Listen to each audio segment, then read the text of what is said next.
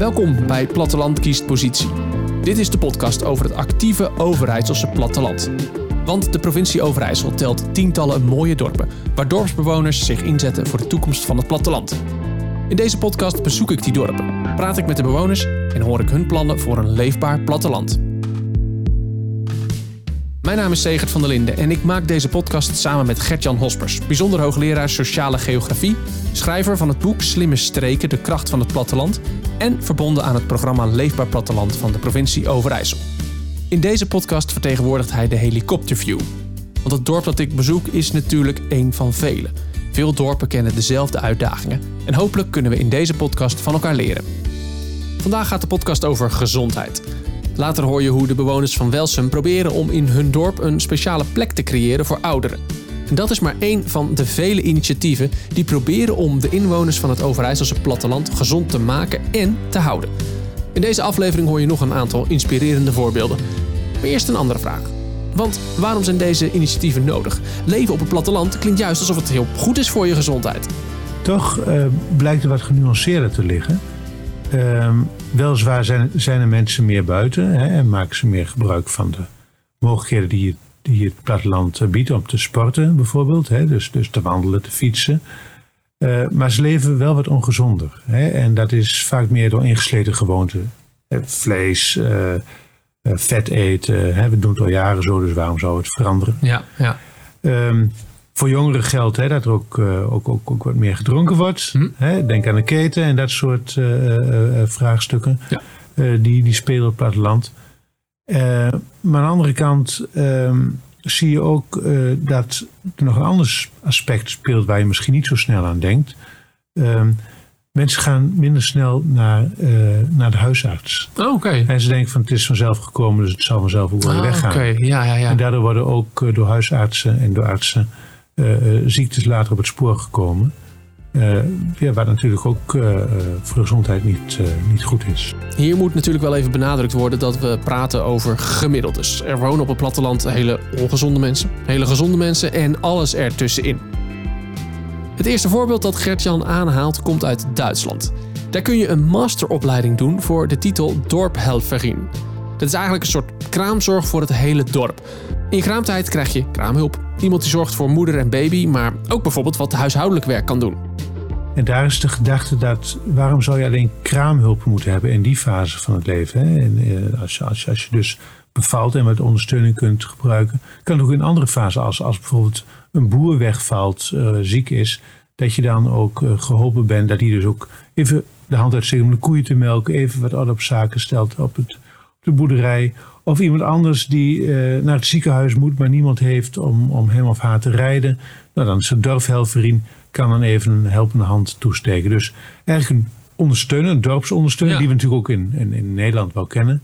Maar het aardige vind ik daar dat het, een, dat het uh, ja, wat meer een institutie is, geïnstitutionaliseerd is, waar je ook gebruik van kunt maken als dorp. En dat kan ook mensen uh, echt, die dus ziek zijn, die in de problemen zijn, ook even uh, ja, helpen. En voor wie dat leuk vindt, en het is een hele zoete serie is door. Het is Fruling heet de serie. Speelt in een Bijersdorp. Waar die dorpshelferien uh, ja, allemaal dingen meemaakt. maar het vind ik wel aardig om ja. te laten zien dat je op die manier ook een maatschappelijk thema, dat, dat, dat leeft in dorpen, hoe er ook een serie van kunt maken. Ja, tuurlijk. Misschien ja. een idee voor uh, RTVO's. Nou, wie weet. Ja. Nog een stuk verder over de grens vindt Gertjan ook mooie voorbeelden. In een Spaans stadje aan de Atlantische Oceaan ziet de lokale huisarts een probleem. Worsten, uh, veel eieren, veel brood. Maar ja, daar wist ook een huisarts wel van ja, ik kan wel vertellen dat mensen minder vet moeten eten en minder veel. We kunnen beter misschien iets gaan opzetten. En zij, hij, hij, heeft daar samen met het gemeentebestuur uh, het initiatief 100.000 kilo afvallen opgezet. binnen twee jaar tijd. Als stad, hè, dus als stad 100.000 ja, ja. kilo afvallen, 40.000 inwoners. Waarbij iedereen meedoet. 2,5 kilo per persoon. Ja, ja. precies. Um, binnen twee jaar tijd. En uh, hij zelf, uh, de huisarts, zelf een loopgroep begonnen met een aantal mensen. Hij heeft met de lokale horeca afgesproken dat ze ook in de maanden waarin het moeilijk is, december, januari, met recepten te komen in de lokale horeca die ook ervoor zorgen dat mensen bewuster eten, dus mensen een handje worden geholpen. Ja, ja, ja. College van burgemeesters en wethouders, die konden ook wel het pondjes verliezen, die doen ook mee. He, dus ze moesten zich eerst collectief laten weten. en ja, stonden ook voor de opgave om, uh, om, om zoveel kilo af te vallen. Maar ja, goed, december blijft een moeilijke maand. Het is een hele lastige maand, altijd. Dus, dus ja. het is, dus, maar het er samen mee bezig zijn Mhm. is al heel goed. Maar dit soort voorbeelden, en Ja. ik zie ze ook voor me in dorpen in Overijssel om dat te doen. Rond roken, rond afvallen, rond andere moeilijke zaken. Ik denk dat dat ook een heel leuk eh, voorbeeld. En we hebben natuurlijk nu vooral de fysieke kant van, Ja, van- ja, ja, maar je hebt natuurlijk ook, het, gezondheid. ook het, het geestelijke aspect, mentale, een, mentale aspect van, van Precies. gezondheid. Dat speelt natuurlijk ook een rol. Ja, en dat wordt ook steeds belangrijker. Eenzaamheid en dat soort vraagstukken. Daar hebben we ook leuke voorbeelden van in Overijssel.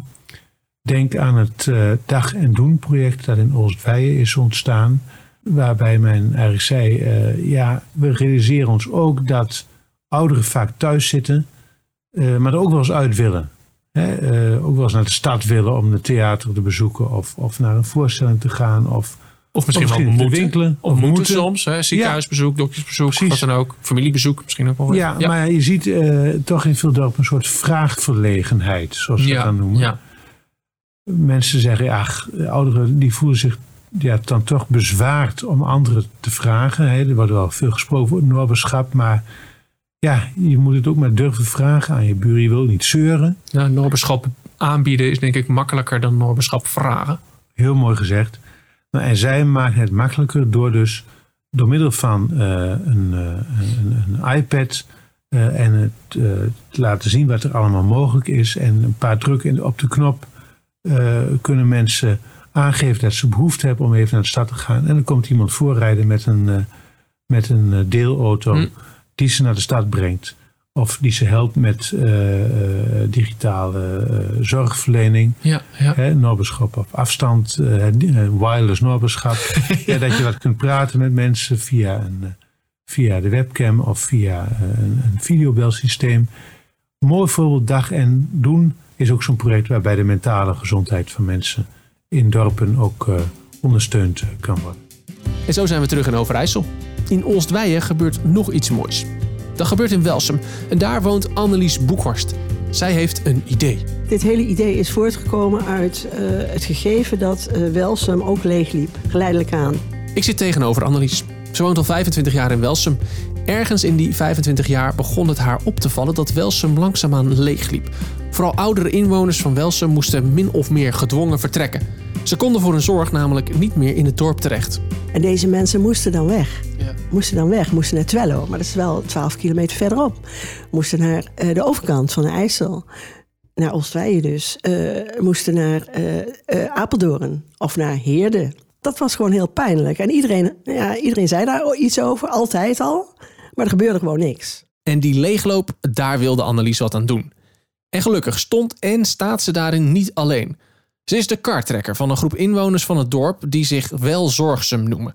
En deze groep heeft een doel. Wij willen hier ook dat, dat als mensen hier willen blijven wonen, tot, tot hun dood liefst, dan, dan zou dat ook moeten kunnen. Hè, tot op zekere hoogte. Hè? Want je kunt natuurlijk niet eh, alles hierheen halen. Voor dat doel ontwikkelde de werkgroep een ambitieus plan. Wat we van plan zijn, is hier in het, het hele kleine dorpje.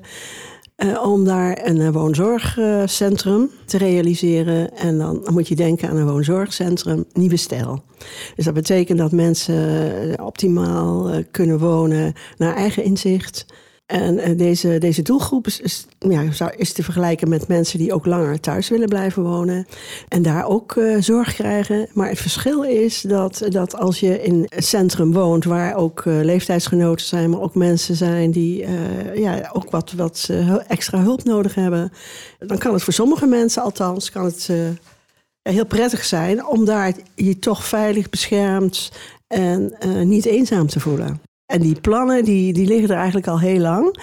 Naast dus zo'n zo'n woonzorgcomplex zou het ook heel prettig zijn als je daar een soort uh, zorgstructuur omheen kunt uh, maken. Waarin ook de, de inwoners van, van ons dorp een handje helpen. Ja. Waardoor er ja, goed, een goede wisselwerking ontstaat. En ook de leefbaarheid van het dorp in stand blijft of verbeterd kan worden. Voor dit grote plan zijn natuurlijk veel mensen nodig. Ik noemde al de werkgroep Wel Zorgzaam. Ook plaatselijk belang is hierbij betrokken. Een lokale ondernemer draagt de financiering van het project. Het laat zien dat het project door het overgrote deel van Welsum gesteund wordt. Naast veel inwoners van Welsum zijn ook buurtzorg, de gemeente Oostwijen en de provincie Overijssel op diverse manieren betrokken. Terug naar het plan. Op de plek van de oude basisschool in Welsum moeten twee gebouwen komen. Een appartementencomplex met 14 appartementen en een bijgebouw. Dat bijgebouw moet een belangrijke plek gaan innemen in het dorp. Nou, in dat bijgebouw dat, uh, daar, zit nog één, uh, één woning in. En in de andere twee ruimtes, uh, daar is, um, die, die kunnen flexibel ingezet worden voor diverse zorgvoorzieningen. Dan kun je denken aan um, tijdelijke opvang. Hier kun je tijdelijke opvang krijgen als je als bijvoorbeeld mantelzorgers hier uit de buurt even een weekje weg willen of voor een weekend uitvallen. Wat je daar ook kunt uh, verwachten is uh, stervensbegeleiding. Dan niet die officiële hospicezorg, ook weer niet, want dat is helemaal niet mogelijk hier. Nee. Maar wel dat, dat mensen indien een familie of mensen zelf, stervende, zoiets hebben van... ja, thuis gaat dat niet. En willen hier een Welsum, gewoon rustig, noem maar op... Met, met wat opvang eromheen, familie... willen wij hier rustig onze laatste dagen doorbrengen. Door al die zorg te bundelen op één centrale plek krijgen de Welsumse ouderen de mogelijkheid om in hun vertrouwde omgeving oud te worden. Nou kan het zijn dat, dat iemand uh, zo ver heen raakt en dementerend is, waardoor die persoon, ja, waardoor dat niet meer kan. Ja. Dat het absoluut niet meer kan. Dat, dat, is, dat moet een uitzondering zijn. Maar voor de rest uh, willen wij dus naast de, de zorg die de thuiszorg kan bieden, willen we dat pakket oprekken, ja. als het ware. En, en dat kan betekenen dat je ook verpleeghuiszorg uh, kunt bieden. Dus dat, dat is een ja, meerzorg, kun je het ook noemen. Waardoor mensen toch, uh, toch meer zorg uh, kunnen, kunnen krijgen en daar kunnen wonen. Maar het plan levert meer op dan alleen een plek waar goede zorg geboden wordt.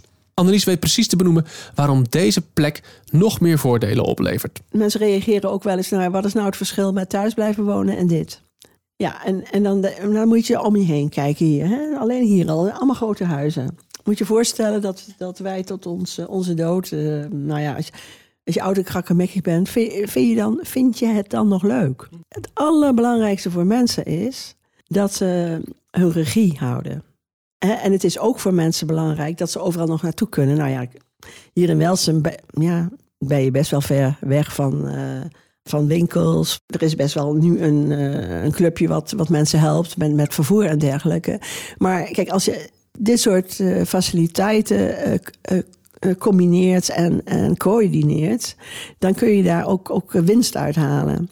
En wat ook heel belangrijk is, is allereerst de regie. Regie van mensen, niet eenzaam zijn. Ze willen ook zich beschermd weten, veilig voelen. Ze willen meestal leuk contact. Nou, dat, dat is het, het voordeel van, van zoiets dergelijks. Dit soort ambitieuze plannen kosten tijd. Maar Annelies heeft goede hoop dat in 2024 de eerste steen gelegd kan worden. Waar in Welsum nog druk gewerkt wordt aan de toekomst, is er in het Vechtdal al ruim 10 jaar iets moois aan de hand.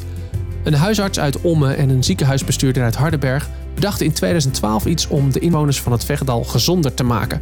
Vitaal Vechtdal. Helemaal gericht op de inwoners van de streek. Daarbij sluit ze ook aan specifiek op het Vechtdal, op, die, op het gebied zelf, om samen cursussen op te zetten, uh, uitdagingen op te zetten, challenges, uh, zoals het dan tegenwoordig heet, om bijvoorbeeld te stoppen met roken. Of uh, bewuster met alcohol om te gaan. Of meer te bewegen. En dat ja, niet alleen mensen daarop te wijzen. Hè, het, het, het, het, werkt niet van, hey, nou, u moet dat gaan doen. Een vingertje, wijze vingertje, nee, daar wordt niemand beter van. Daar nee. wordt niemand beter van. Maar door samen activiteiten te doen die ook, die ook leuk zijn. Je zou kunnen zeggen, uh, hedonistische uh, uh, gezondheids.